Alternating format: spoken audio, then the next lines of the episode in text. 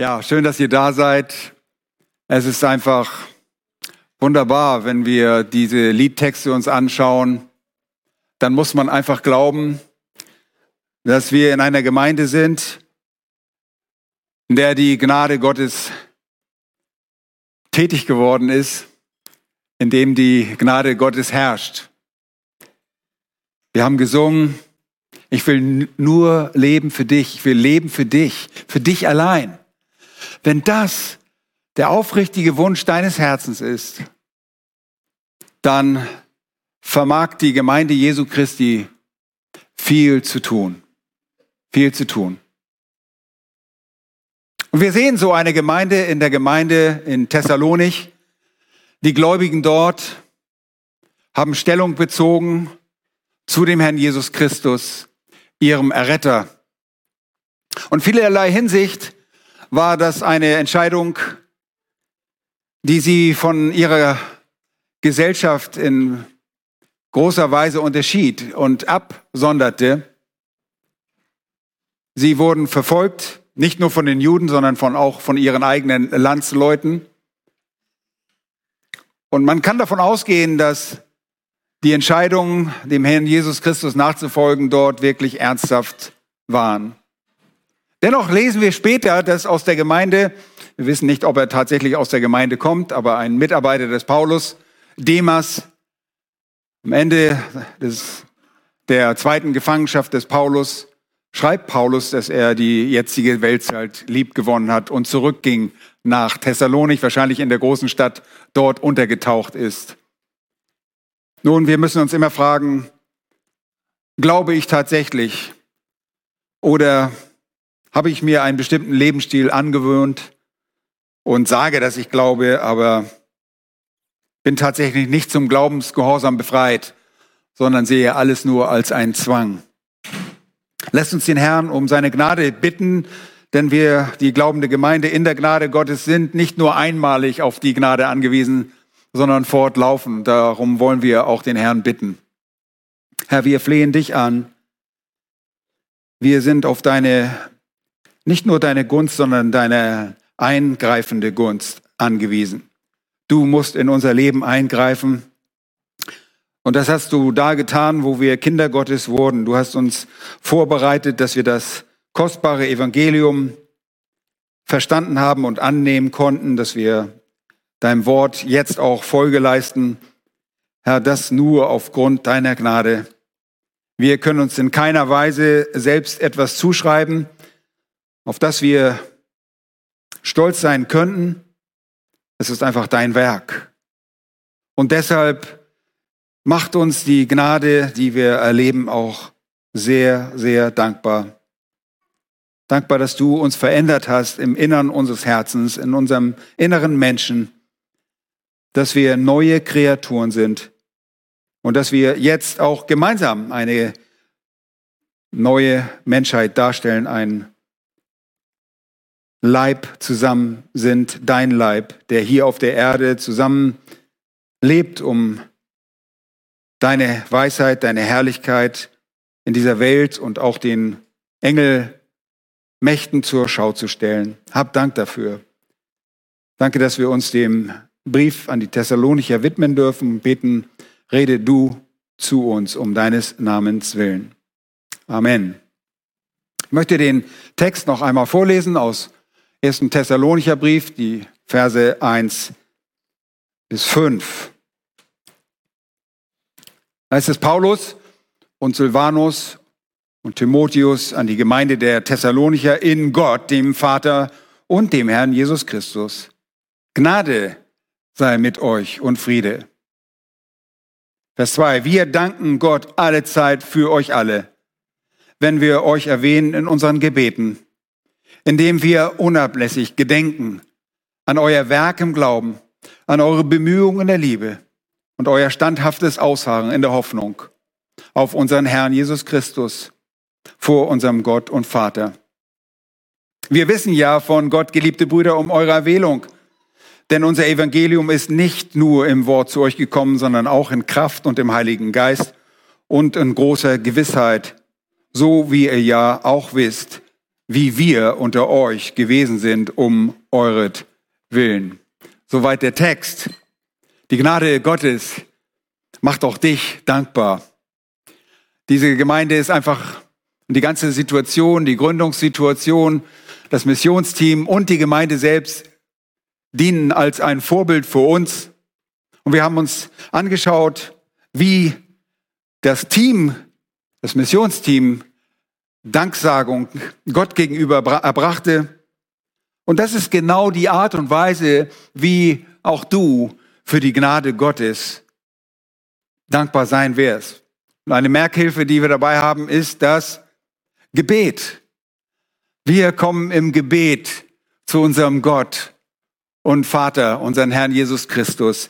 Das Gebet ist die primäre Art und Weise, Gott Dank zu sagen und überhaupt Dank darzubringen.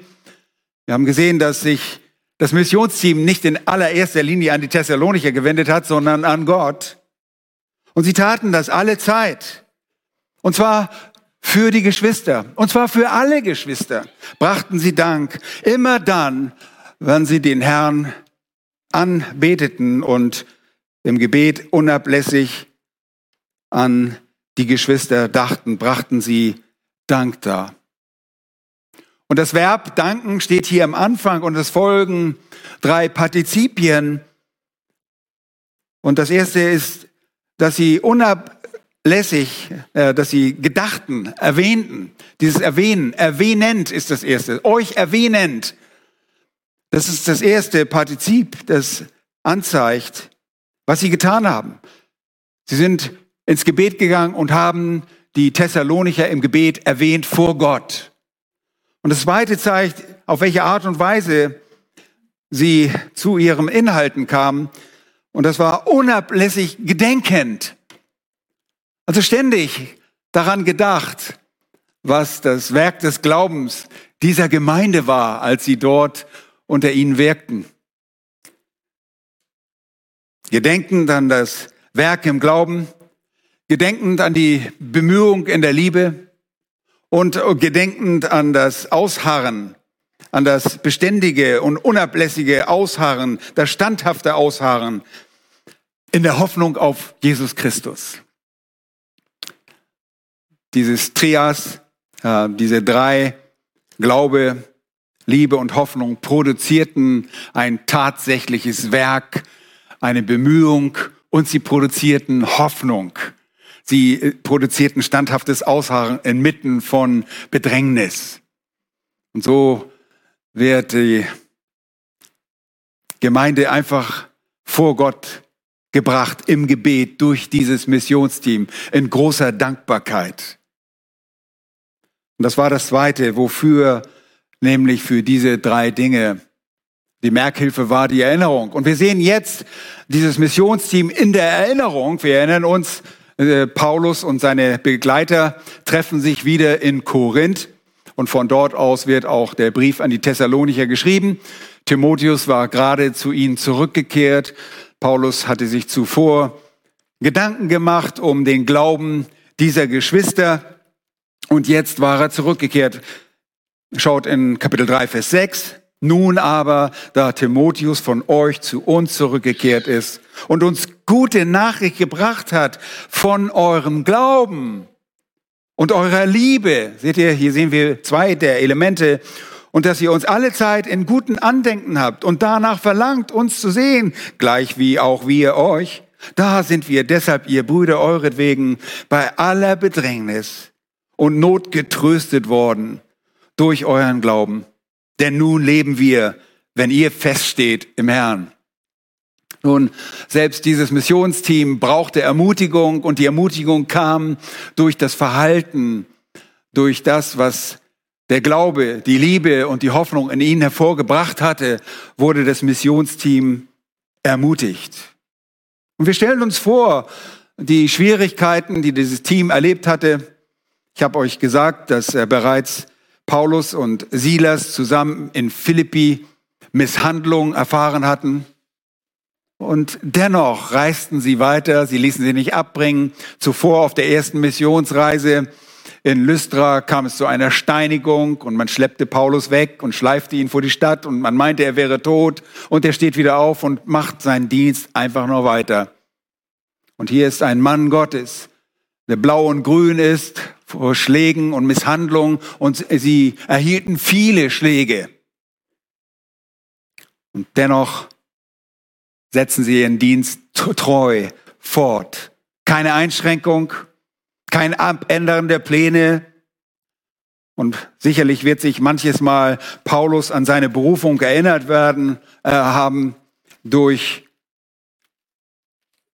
die Worte des Ananias, die im Zuge äh, gekommen sind, wo der Herr sprach, geh hin, denn dieser ist mir ein auserwähltes Werkzeug, um meinen Namen vor Heiden und Könige und vor die Kinder Israels zu tragen, denn ich werde ihm zeigen, wie viel er leiden muss, um meines Namens willen.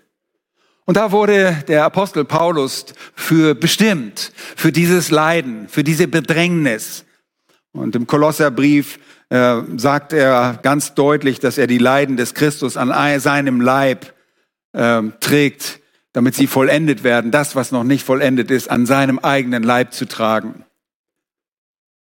Und dieser Mann und seine Begleiter lassen sich nicht abbringen. Sie kommen in diese Stadt nach, zu den Thessalonichern und wir sehen, sie kommen, gehen nach ihrer Gewohnheit in die jüdische Synagoge und dort nahm man sie nicht allzu gut auf. Dennoch sehen wir, es gab Frucht.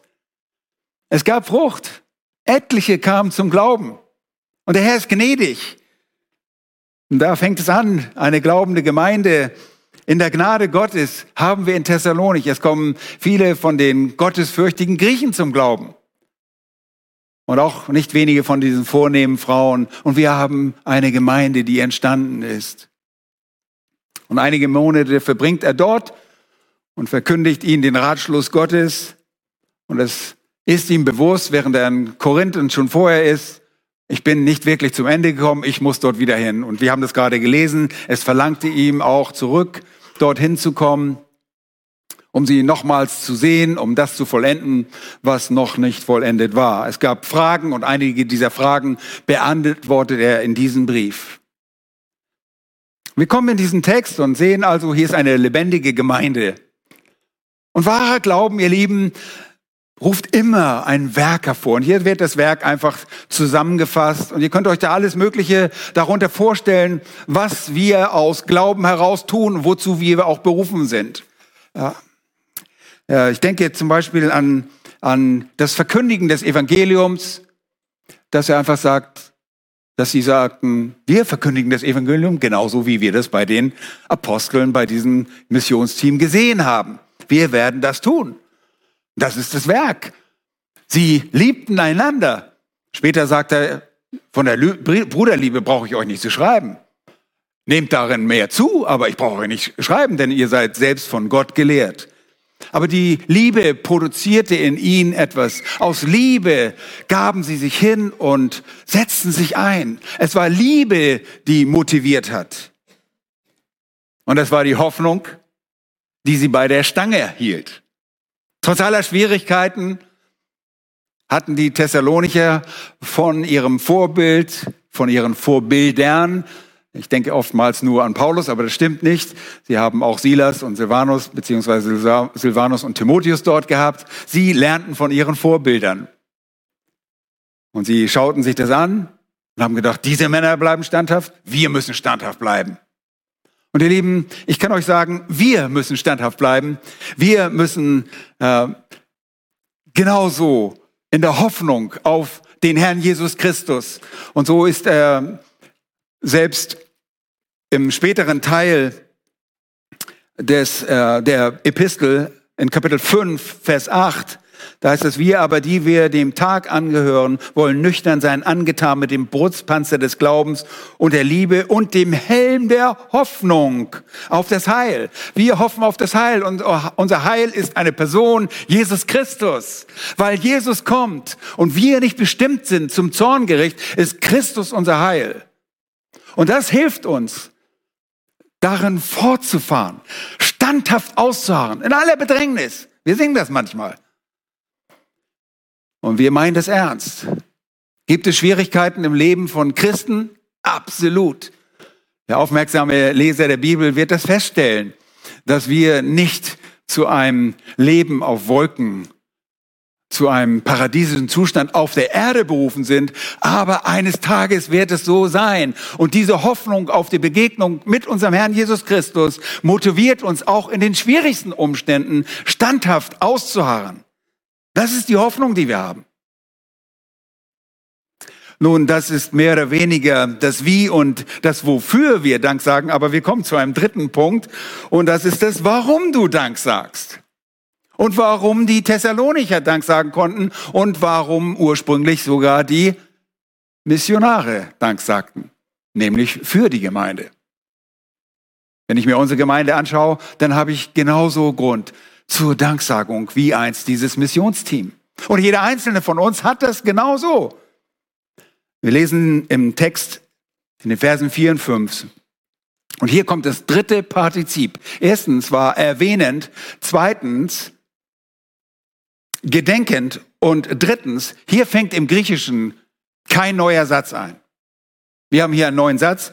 Wir wissen ja von Gott, geliebte Brüder, um eure Erwählung. Hier setzt sich der Satz fort und dieses Wissen, das Partizip ist abhängig von dem Danksagen und bezieht sich auf dieses Danksagen.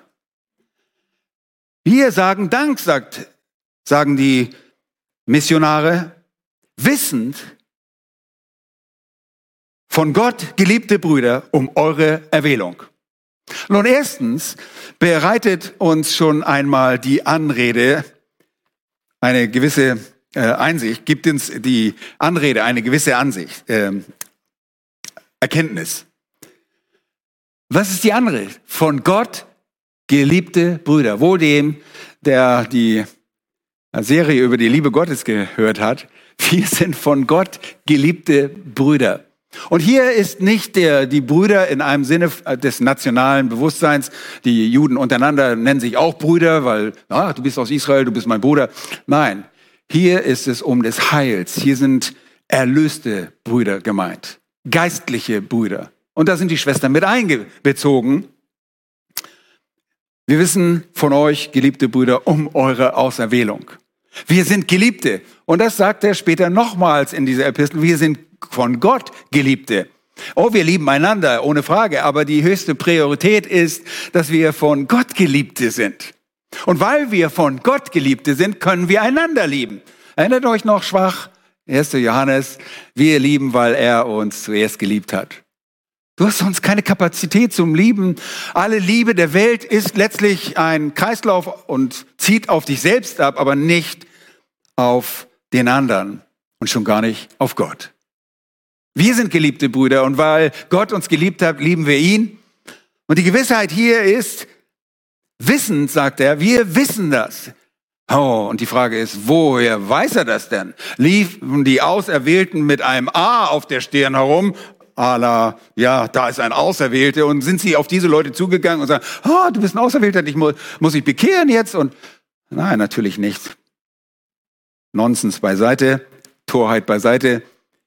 Warum wussten sie, warum waren sie so gewiss um ihre Auserwählung? Nun, was ist Auserwählung? Nun, das Auserwählen, wir können das eigentlich sehr leicht verstehen. Geht es hier dabei um die Auserwählung Gottes? Geht es dabei um Gottes Souveränität oder geht es dabei um Gottes Allwissenheit? Lass mich das erklären. Gottes Souveränität ist in der Erwählung ich wähle, wen ich mir aussuche. Okay? Ich werde auserwählen und zwar zur Errettung, wen ich möchte. Das ist absolute, ah, aua, Entschuldigung, das ist absolute Souveränität.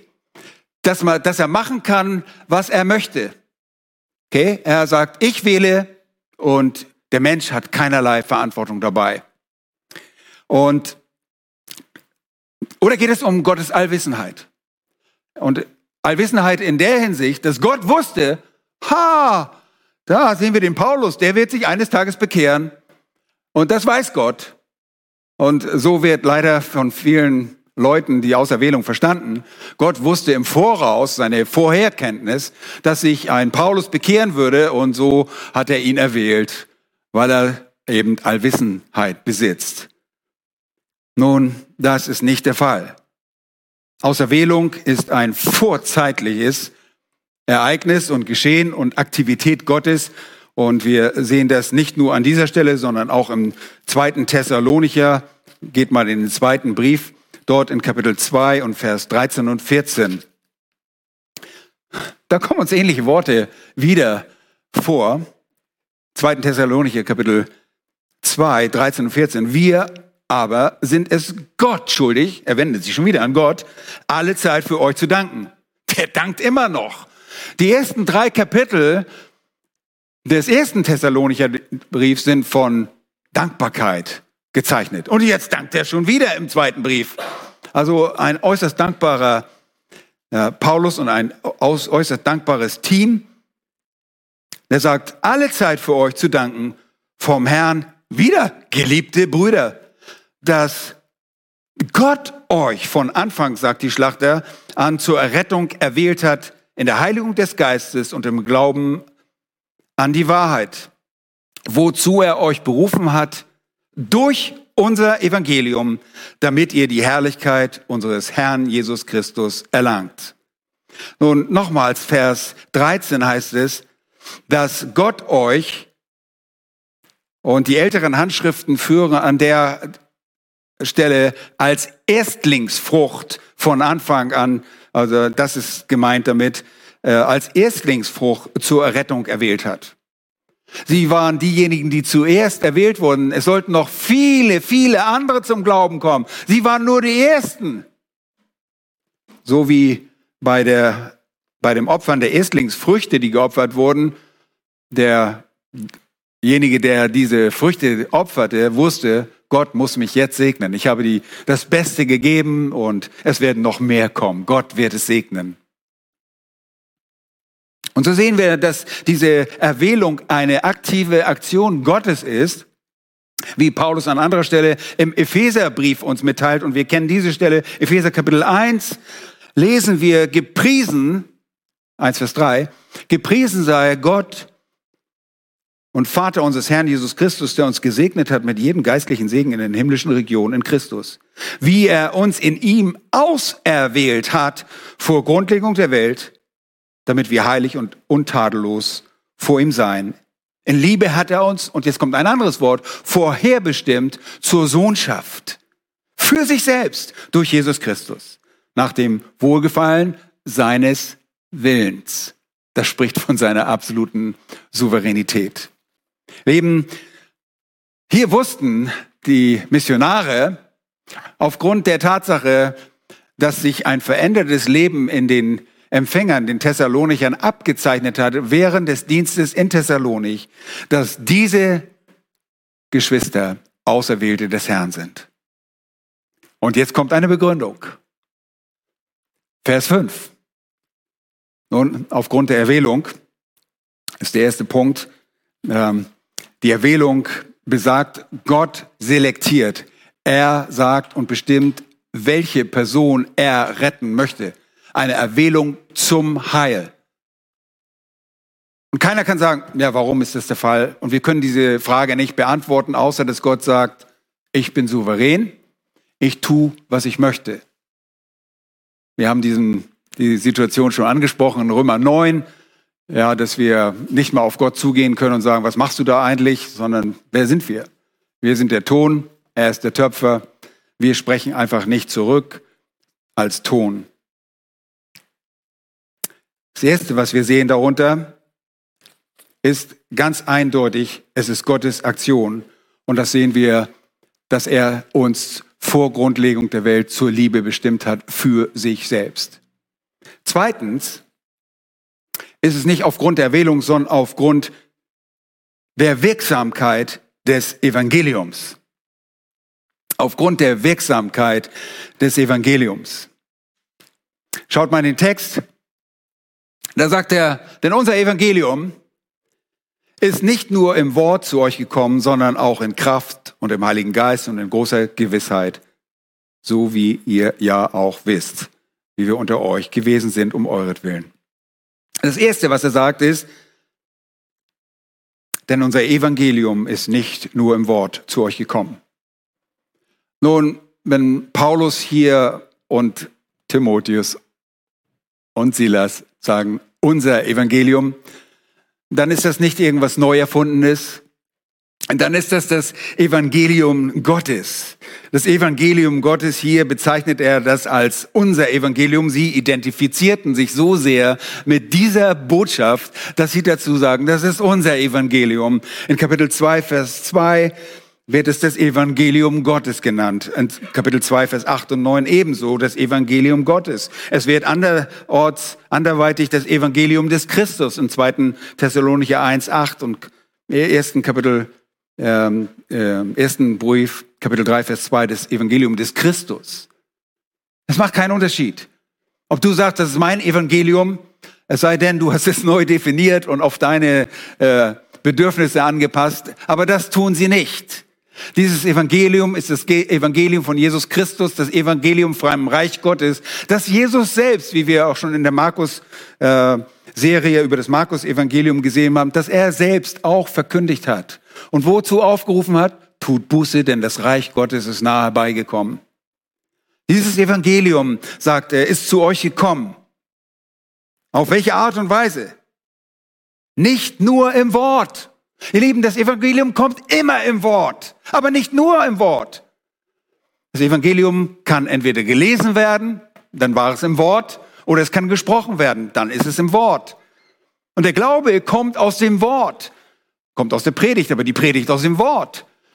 Ohne das Wort gibt es kein Evangelium. Aber wenn er jetzt sagt, dieses Evangelium, unser Evangelium, mit dem wir uns vollkommen identifizieren, deshalb ist es unser, genauso wie unser Glaube ist, so sagt er jetzt, es ist nicht nur in einer Art von Informationsveranstaltung gekommen. Paulus kam nicht nach, zu den Thessalonichern und sagte, wir haben hier ein Infobooth äh, wie ein Infostand, wie sagt man? Ja, und äh, wir informieren alle darüber, was passiert. Und nein, sie haben das Evangelium in voller Kraft und in der Kraft des Heiligen Geistes. Die Kraft liegt eigentlich selbst in diesem Evangelium. Es kam nicht nur im Wort, wobei das Wort an sich schon selbst ausreicht. Erinnert ihr euch an die Worte, äh, ich denke Jeremia war das, der auf die falschen Propheten reagierte, die äh, aus ihrem eigenen Herzen Träume ersannen und äh, dann sagte, lass die ihren Traum schon erzählen, aber lass den, der das Wort Gottes hat, das Wort Gottes predigen. Und da sagt er in dem Zusammenhang und fragt, zwei rhetorische Fragen. Er sagt, ist mein Wort nicht wie ein Feuer? Spricht Jahwe. Und wie ein Hammer, der Felsen zerschmettert? Ihr Lieben, in dem Wort selbst ist schon so viel Kraft. Das Wort Gottes zu predigen, da liegt Kraft drin. Wie viel mehr jetzt in diesen speziellen Worten des Evangeliums. Dieses Wort kam tatsächlich von diesen Evangelisten im Wort, aber nicht nur als solches. Das Evangelium kommt immer im Wort. Aber das, und dieses Wort muss verkündigt werden. Und genau das taten die Evangelisten, die, Evang, äh, die Missionare. Es reicht niemals aus, nur ein lebendiges Zeugnis zu sein. Es reicht niemals aus, nur immer äh, fromm reinzugucken und sagen, ja, ich bin ja schon ein Christ, ich lebe das einfach vor, dann werden die Leute schon irgendwie zum Glauben kommen. Ihr Lieben, das Wort muss entweder geschrieben oder gesprochen werden. Es ist immer das Wort erforderlich. Die gesandten Männer aus der Gemeinde in Antiochia brachten es im Wort. Nun, das Wort Gottes kam im Wort und wir könnten auch schreiben, es kommt im Wort. Es kommt immer noch im Wort. Es, die Zeit ist eigentlich falsch. Das Evangelium kommt im Wort. Es kommt heute im Wort. Es kommt nicht durch Träume, ja, obwohl das sich Leute einbilden, dass sie irgendwas sich ersinnen oder erträumen in ihrem Herzen. Es kommt nicht durch Träume, es kommt durch das Wort. Und dieses Wort ist uns gegeben worden. Es gibt keine extra biblischen Offenbarungen, sondern das ist dieses Wort, das uns hier in dieser Schrift gegeben wurde. Und dieses Wort ist Gottes Wort. Es ist ein besonderes Wort. Zweitens kommt es auch in Kraft. Und ich habe darüber nachgedacht. Und ja, das Wort Gottes hat Kraft. Und ich erinnerte mich an einige Stellen, wo das auch betont wurde. Es hat Kraft und es ist wirksam. Wir denken an Hebräer 4, Vers 12. Es ist wirksam. Es ist schärfer als jedes zweischneidige Schwert und dringt durch, bis es scheidet Seele und Geist und Mark und Bein. Und ist ein Richter der Gedanken und Gesinnungen des Herzens. Dieses Wort ist wirksam. Oder im ersten ähm, Brief, Kapitel 2, Vers 13, sagt er auch, er dankt den Thessalonichern an dieser Stelle oder danken Gott dafür, dass ähm, wir danken, da heißt es, darum danken wir auch Gott unablässig, dass ihr, als ihr das von uns verkündigte Wort empfangen habt, es nicht als Menschenwort aufgenommen habt, sondern als das, was es in Wahrheit ist, als Gottes Wort, das auch wirksam ist in euch, die ihr gläubig seid. Es ist nicht nur zur Errettung, sondern auch unter den Gläubigen wirksam. Aber es ist eine Kraft und Kraft des Evangeliums werden Menschen gerettet. Und wir erinnern uns äh, hoffentlich noch allzu gut an den Römerbrief in Kapitel 1. Und was sagt Paulus? Ich schäme mich nicht des Evangeliums. Warum sollte ich mich des Evangeliums schämen? Dieses Evangelium ist zu euch gekommen, ihr Thessalonicher. Und in den Römerbrief schreibt er dort, ich schäme mich des Evangeliums von Christus nicht, denn es ist Gottes Kraft zur Errettung für jeden, der glaubt. Zuerst für den Juden und das haben sie erlebt. Es wurden aus den Juden, gottesfürchtige Juden, gläubig und dann auch für die Griechen. Denn es wird darin geoffenbart, die Gerechtigkeit Gottes aus Glauben zum Glauben, wie geschrieben steht, der Gerechte wird aus Glauben leben. Die Gotteskraft liegt in den Evangelium. Wir verkündigen das Evangelium. Woraus besteht das Evangelium? Alles, was über unseren Herrn Jesus Christus offenbart wird in Bezug auf sein Heil wie er das Heil erwirkt hat, was der Mensch ist. Und wir müssen manchmal sehr weit ausholen, um das verständlich zu machen. Wir können nicht nur drei Sätze, Jesus ist gestorben und er ist wieder auferstanden und denken damit, dass wir fertig werden. Aber dieses Evangelium, wenn wir das Recht verkündigen, hat es an sich schon eine Gotteskraft, eine riesige Kraft. Und die müssen wir auskaufen. Und Paulus sagt, Hey, ich weiß, dass ihr Auserwählte sind, denn dieses Evangelium kam in Wort. Paulus kam mit seinen Leuten nicht irgendwie mit Magie, mit Überredungskünsten, sondern da kam eine zusammengeschlagene Truppe von Männern an. Ja, sie haben Schläge gehalten und die predigten einfach das Wort. Und heute jeder der im Gemeindemarketing ist, für Gemeindewachstum, würde sagen, ach, das sind der Versager. Die müssen auch ein bisschen Hip-Hop machen, ein bisschen äh, richtig Action machen und Entertainment für die Leute bieten. Aber nein, er wusste, die Kraft liegt im Wort und besonders in der Kraft des Evangeliums. Das Evangeliums ist die Kraft. Und ihr Lieben, das ist so befreiend für jeden, der hinausgeht, um Menschen das Evangelium zu bringen. Äh, wir bringen ihnen einfach das Wort Gottes. Und wir fordern sie heraus. Nochmals, es ist keine Informationsveranstaltung, sondern wir fordern Menschen auf, Buße zu tun. An allen Orten sollen Menschen überall Buße tun, denn es kommt der Tag, an dem jeder Rechenschaft vor Gott ablegen muss und vor dem lebendigen Gott stehen muss.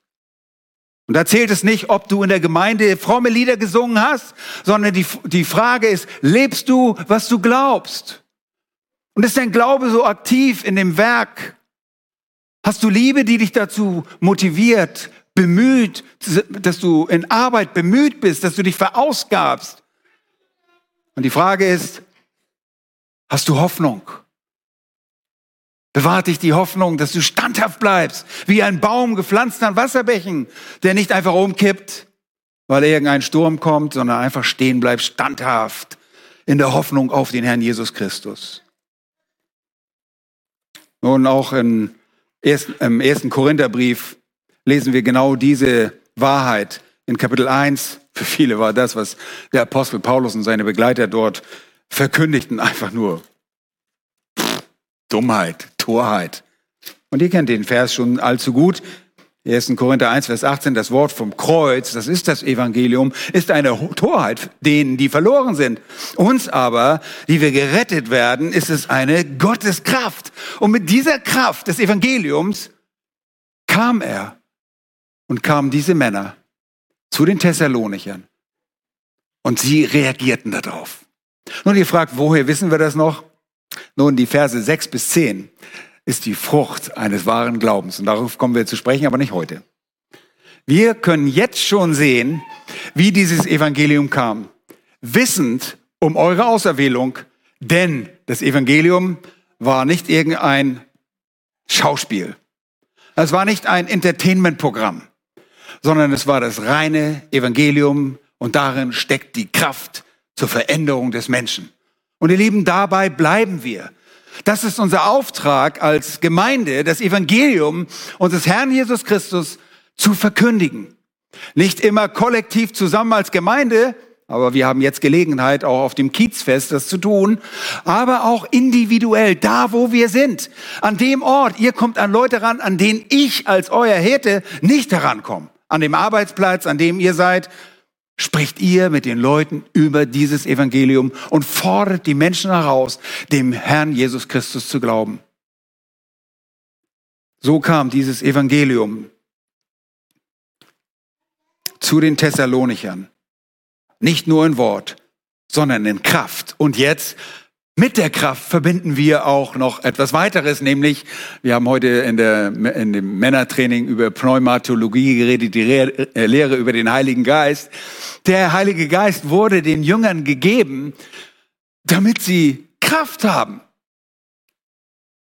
Kraft wozu? Kraft bei der Stange zu bleiben, Kraft zu reden, Kraft weiterzumachen, um das, was in ihm lebt, nämlich Christus und der Vater, der in uns lebt durch den Geist, ihn zu verkündigen. Und wir erinnern uns dabei natürlich an die Worte unseres Herrn Jesus Christus selbst, der die Jünger vorbereitet in Vorbereitung auf sein Abscheiden, auf seine Himmelfahrt in Apostelgeschichte Kapitel 1, sagt genau diese Worte. Er sagte dort zunächst in Vers 4, und als er mit ihnen zusammen war, das ist er mit seinen Jüngern, gebot er ihnen, nicht von Jerusalem zu weichen, sondern die Verheißung des Vaters abzuwarten. Was war denn die Verheißung des Vaters? Das war der Geist der Verheißung, die ihr, so sprach er, von mir vernommen habt, denn Johannes hat mit Wasser getauft, ihr aber sollt mit dem Heiligen Geist getauft werden, nicht lange nach diesen Tagen. Und dann lesen wir in Vers 8, ihr werdet Kraft empfangen wenn der Heilige Geist auf euch gekommen ist und ihr werdet meine Zeugen sein in Jerusalem und in ganz Judäa und Samaria und bis an das Ende der Erde. Diese Kraft schließt uns erstmal das Wort Gottes auf.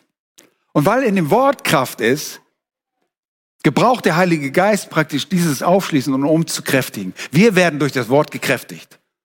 Geht es euch nicht manchmal so, Ihr seid niedergeschlagen und ihr setzt euch und lest ein paar Zeilen aus dem Wort Gottes und auf einmal ist eure niedergeschlagen, wo ist die denn geblieben? ist verschwunden, einfach weg. Weil Gott uns kräftigt durch sein Wort. Und dieser Geist, der jetzt in uns wohnt, uns regiert. Und deshalb sollen wir im Geist wandeln. Und wenn wir das tun, dann werden wir auch die Werke des Fleisches nicht vollbringen, sondern werden das tun, was Gott sagt. Nun, dieser Heilige Geist, der uns bewohnt, ist die Hoffnung auf die endgültige Erlösung. Wir wissen auch, der Geist Gottes versiegelt uns bis zu dem Tag dieser Erlösung. Wisst ihr was? Ohne den Geist Gottes wäre ich nach 20 Jahren kein Pastor mehr. Wer ein Apostel Paulus hätte sich gesagt, nach der ersten Steinigung, ach, schon viel eher, hätte gesagt, nee, also, das ist mir zu riskant hier. Das mache ich nicht setze ja nicht mein Leben aufs Spiel für so ein paar Hottentotten, die mir da ein paar Steine auf den Kopf donnern. Nein, der Heilige Geist treibt uns an und leitet uns weiter und ermutigt uns, nicht aufzugeben. Das ist die Kraft des Geistes, der in uns lebt, wenn du ein Kind Gottes bist. Tatsache ist, dass Gott uns den Geist gegeben hat, wenn wir Kinder Gottes sind. Wir sind nicht als Waisenkinder zurückgelassen worden. Jesus im oberen Saal sagte, ich lasse euch nicht allein. Es ist sogar gut, dass ich gehe. Es ist sogar besser, dass ich gehe. Ich werde euch einen anderen Tröster senden, den Heiligen Geist. Und dieser Geist Gottes war in den Thessalonichern wirksam. Nun, dieses Evangelium kam also in Wort, aber nicht nur im Wort, nicht nur als reine Informationsmitteilung, sondern eben auch in der Kraft, weil in dem Wort des Evangeliums Kraft ist und in dem Heiligen Geist. Und wenn wir die Apostelgeschichte lesen, dann sind wir manchmal hell und her gezogen und denken, ist es die Geschichte der Apostel oder ist es die Geschichte des Heiligen Geistes? Es ist eigentlich das Wirken des Geistes in den Aposteln und den darauf folgenden Ältesten. Natürlich wissen wir, was gemeint ist, aber der Heilige Geist, er wirkt, er beruft. Er hatte diese Männer berufen. Er wird auch später in Apostelgeschichte 20 ähm, geschieht schon davor, aber da erinnert sich Paulus daran, dass der Heilige Geist sie zu, die Ältesten sie zu Aufsehern gemacht hat. Es ist das Werk des Heiligen Geistes. Und der Heilige Geist tut mehr, als ihr denkt. Deshalb Pneumatologie, Männertraining, äh, Training ist einfach eine gute Sache. Ja, das äh, nochmal uns in Erinnerung zu rufen. Dann kam dieses Evangelium auch in großer Gewissheit. In großer Gewissheit. Hier war jemand, der nicht gesagt hat, es könnte sein, dass Jesus der Erlöser ist. Es könnte sein und möglicherweise und vielleicht doch, aber vielleicht auch nicht. Nein, hier kam jemand, der die Wahrheit kannte und absolut todsicher davon überzeugt war, dass das der einzige, der alleinige Weg ist, um Versöhnung zu finden mit einem, mit dem Gott. Es kam mit großer Gewissheit. Und zwar war die Gewissheit auf Seiten des Missionsteams. Da kam nicht ein zaghaftes Team und sagen, oh, ja, okay, ich bringe hier eine Botschaft, die ist zwar nicht so viel wert. Nein, dafür würden sie sie nicht schlagen lassen und steinigen lassen. Das muss eine kostbare und das ist eine kostbare Botschaft. Und deshalb kommt das Evangelium in großer Gewissheit. Wenn wir das Evangelium von der Kanzel hier verkündigen, dann nicht mit wenn und aber und vielleicht und doch nicht und wir müssen aber Einschränkungen machen, sondern mit absoluter Gewissheit, weil der Geist Gottes uns überzeugt hat, dass das Wort Gottes die Wahrheit ist. Und da schüttelt niemand dran. Absolut niemand. Und da wurde nicht mal die Bedrängnis ein Feind für diese gereiften Männer. Und wir müssen zugeben, dass wir manchmal zagen und zweifeln.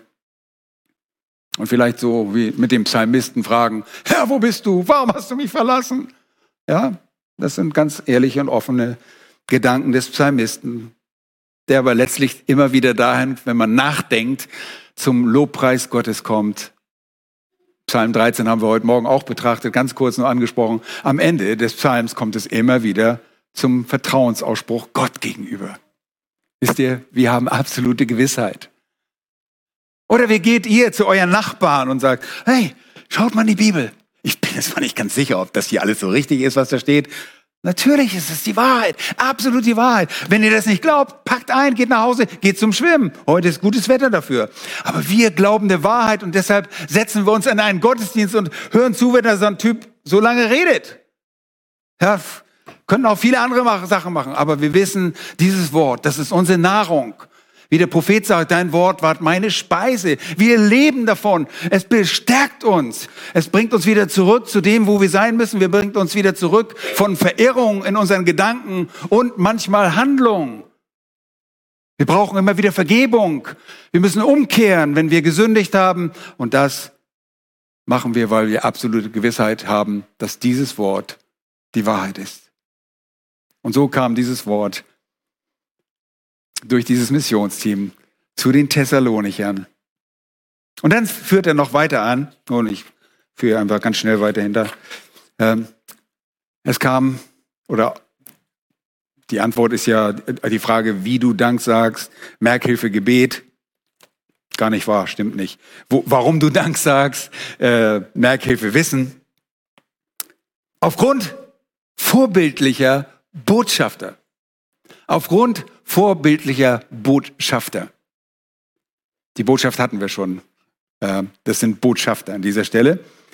So wie ihr ja auch wisst, wie wir unter euch gewesen sind, um euretwillen.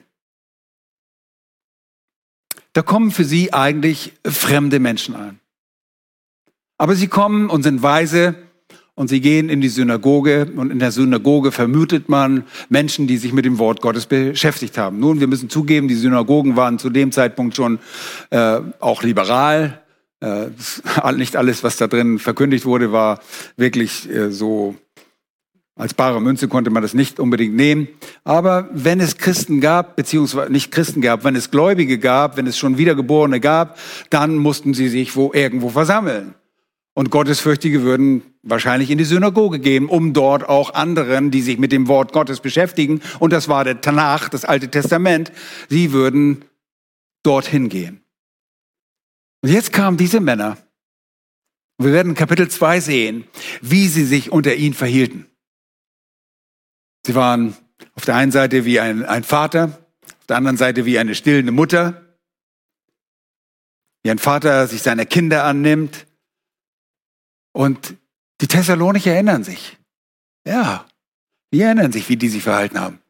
Der Paulus hat nicht geflucht, als man ihn da eine runtergehauen hat vielleicht, bei den Thessalonicher. Wir wissen nicht, was da vorgefallen ist. Wir lesen jedenfalls nicht, dass Paulus irgendwelche Kraftwirkungen, dass er anfing, in Zungen zu reden oder sonst irgendwelche Wunder getan hat. Das tut er in anderen Ortschaften, äh, macht Gott das durch ihn. Aber bei den Thessalonicher reden, äh, lesen wir nicht davon.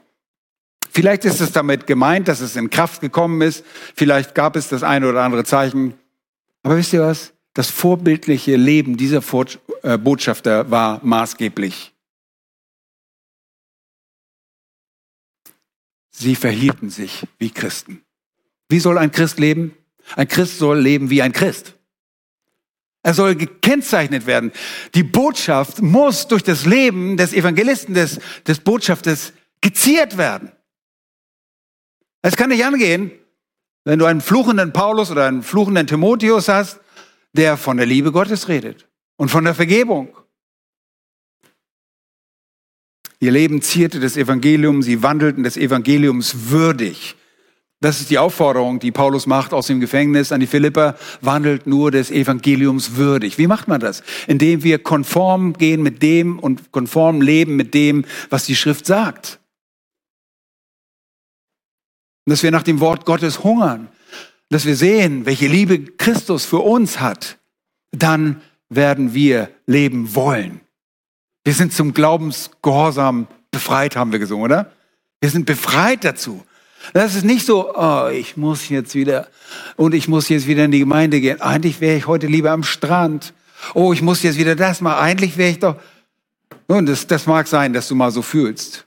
Aber das Gefühl an sich ist schon verkehrt. Tu Buße über dieses Gefühl und diese Gedanken. Denke, ich will bei den Kindern Gottes sein. Wir sind vereint.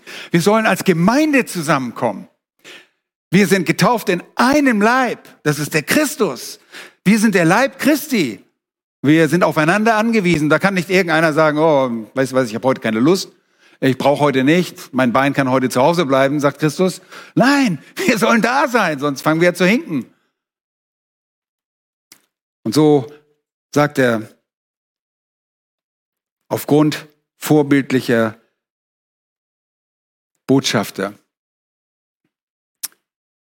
konnten sie ihr auch danken und dankten sie, weil sie so gelebt haben. Es kam, wie ihr wisst, mit diesem Wandel zu euch. Und das haben sie gesehen und er dankt dafür, dass sie das wahrgenommen haben.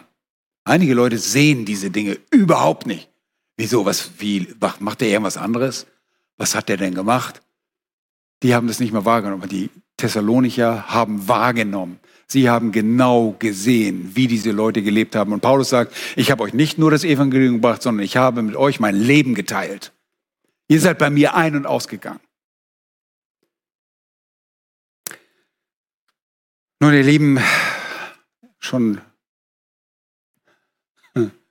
Wäre schon kürzer, wenn ich jetzt aufhöre. Ich möchte nur herausfordern, darüber nachzudenken. Wie verkündigst du das Evangelium? Und veranlasst das Leute auch, dankbar zu sein? Und bist du dankbar? Bist du dankbar für das, was du erlebt hast? Bist du dankbar für die Geschwister? Bist du dankbar, dass andere gesehen haben, ähm, wie die Botschafter gewirkt haben. Die Gnade Gottes macht dich dankbar. Ich weiß es. Ich weiß, dass du dankbar bist. Ich brauche kein Hellseher sein. Ich brauche nur in die Bibel gucken. Christen sind dankbar, weil sie gucken von sich weg. Sie gucken auf den, der alles für sie schenkt. Aus Gnade. Und deshalb sind wir dankbar. Und deshalb wollen wir Ihnen jetzt auch noch danken, bevor wir das Mahl des Herrn zusammen feiern. Herr, wir danken dir von ganzem Herzen für deine Treue, die du uns erwiesen hast gegenüber den Männern und Frauen, die uns das Evangelium gesagt haben.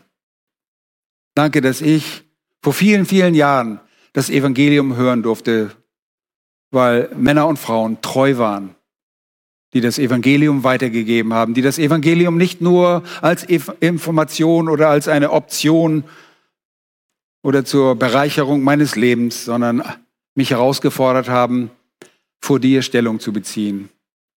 Danke, dass Menschen dazu bereit waren. Danke, dass ich Geschwister haben, die genauso sind, die bereit sind, das Evangelium nicht nur so weiterzugeben, sondern in der Kraft, weil sie das Evangelium benutzen, nicht menschliche Kraft. Herr, wir können niemanden erlösen, aber gleichzeitig auch in der Kraft des Heiligen Geistes, der in uns wohnt. Danke für deine Hilfe, dass du uns nicht einen Geist der Furcht gegeben hast, sondern der Disziplin und der Kraft. Wir müssen uns nicht fürchten und danken dir allein sich und allein dafür. Danke für die Gewissheit, die wir aus deinem Wort erlangt haben. Dass es nicht, unser Glaube nicht irgendeine Vermutung, eine vage, ein vage, vages Unterfangen ist, sondern dass wir mit absoluter Gewissheit aufstehen können und sagen, dein Wort ist gewiss wahr. So spricht der Herr. Ja, und danke, Herr, für die veränderten Leben. Danke, dass du uns veränderst, dass du uns neue Leben geschenkt hast. Hilf uns, dass wir des Evangeliums gegenüber würdig wandeln, dass wir dir gegenüber würdig sind. Und hilf uns da, wo wir abweichen, und das kommt vor, dass wir uns reinigen, dass wir bußbereit sind, denn es ist deine Güte, die uns zur Buße führt. Erbarme dich deiner Gemeinde, mach du uns zu dankbaren Kindern Gottes. Um deines Namens willen. Amen.